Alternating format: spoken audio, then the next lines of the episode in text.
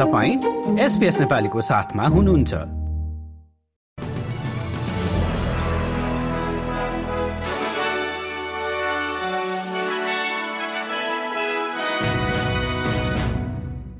नमस्कार। आज सन् दुई हजार तेइस शुक्रबार छ अक्टोबरको दिन।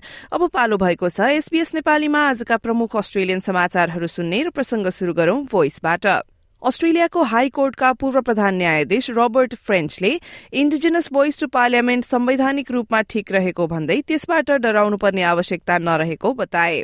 If you don't know vote no भन्ने नाराका साथ भोइस विरूद्ध उभिएका अभियन्ताहरूको तर्कको आलोचना गर्दै फ्रेन्चले नेशनल प्रेस क्लब समक्ष आफ्नो भनाई राखेका हुन्।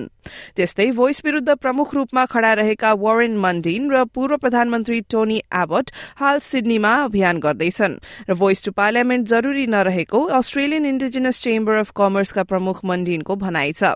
यता लिबरल पार्टीका सदस्यहरूले भने आफ्ना सहकर्मीहरूलाई यस भोट गर्न आग्रह गर्दै एक भिडियो सार्वजनिक सार्वजनिक गरेका छन्। लिबरल्स फर यस नामक सो भिडियोमा आदिवासी पृष्ठभूमिका प्रथम संघीय सांसद नेभिल बनरदेखि पूर्व आदिवासी मन्त्री केन वाटलाई देख्न सकिन्छ।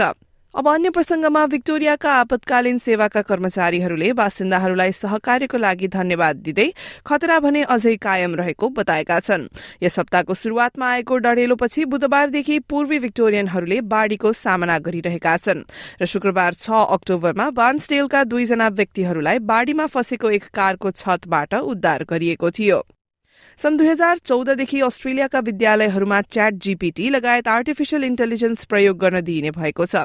उक्त प्रविधिको प्रयोगबारे तयार गरिएको एक ढाँचामा बिहिबार शिक्षा मन्त्रीहरूले सहमति जनाएपछि आउँदो वर्षको टर्म वानदेखि त्यो लागू गरिने बताइएको हो। अब खेलकुदमा रग्बीलाई जोड्दै रग्बी वर्ल्ड कपमा त्रिहत्तर शून्यका साथ उरुग्वेलाई हराउँदै न्यूजील्याण्ड क्वार्टर फाइनलमा पुगेको छ। आउँदो खेल भने शनिबार सात अक्टोबरमा फ्रान्स र इटली बीच हुँदैछ। हस्त एसबीएस नेपालीबाट आजका प्रमुख समाचार यति नै। सुरक्षित रहनुहोस्। नमस्ते।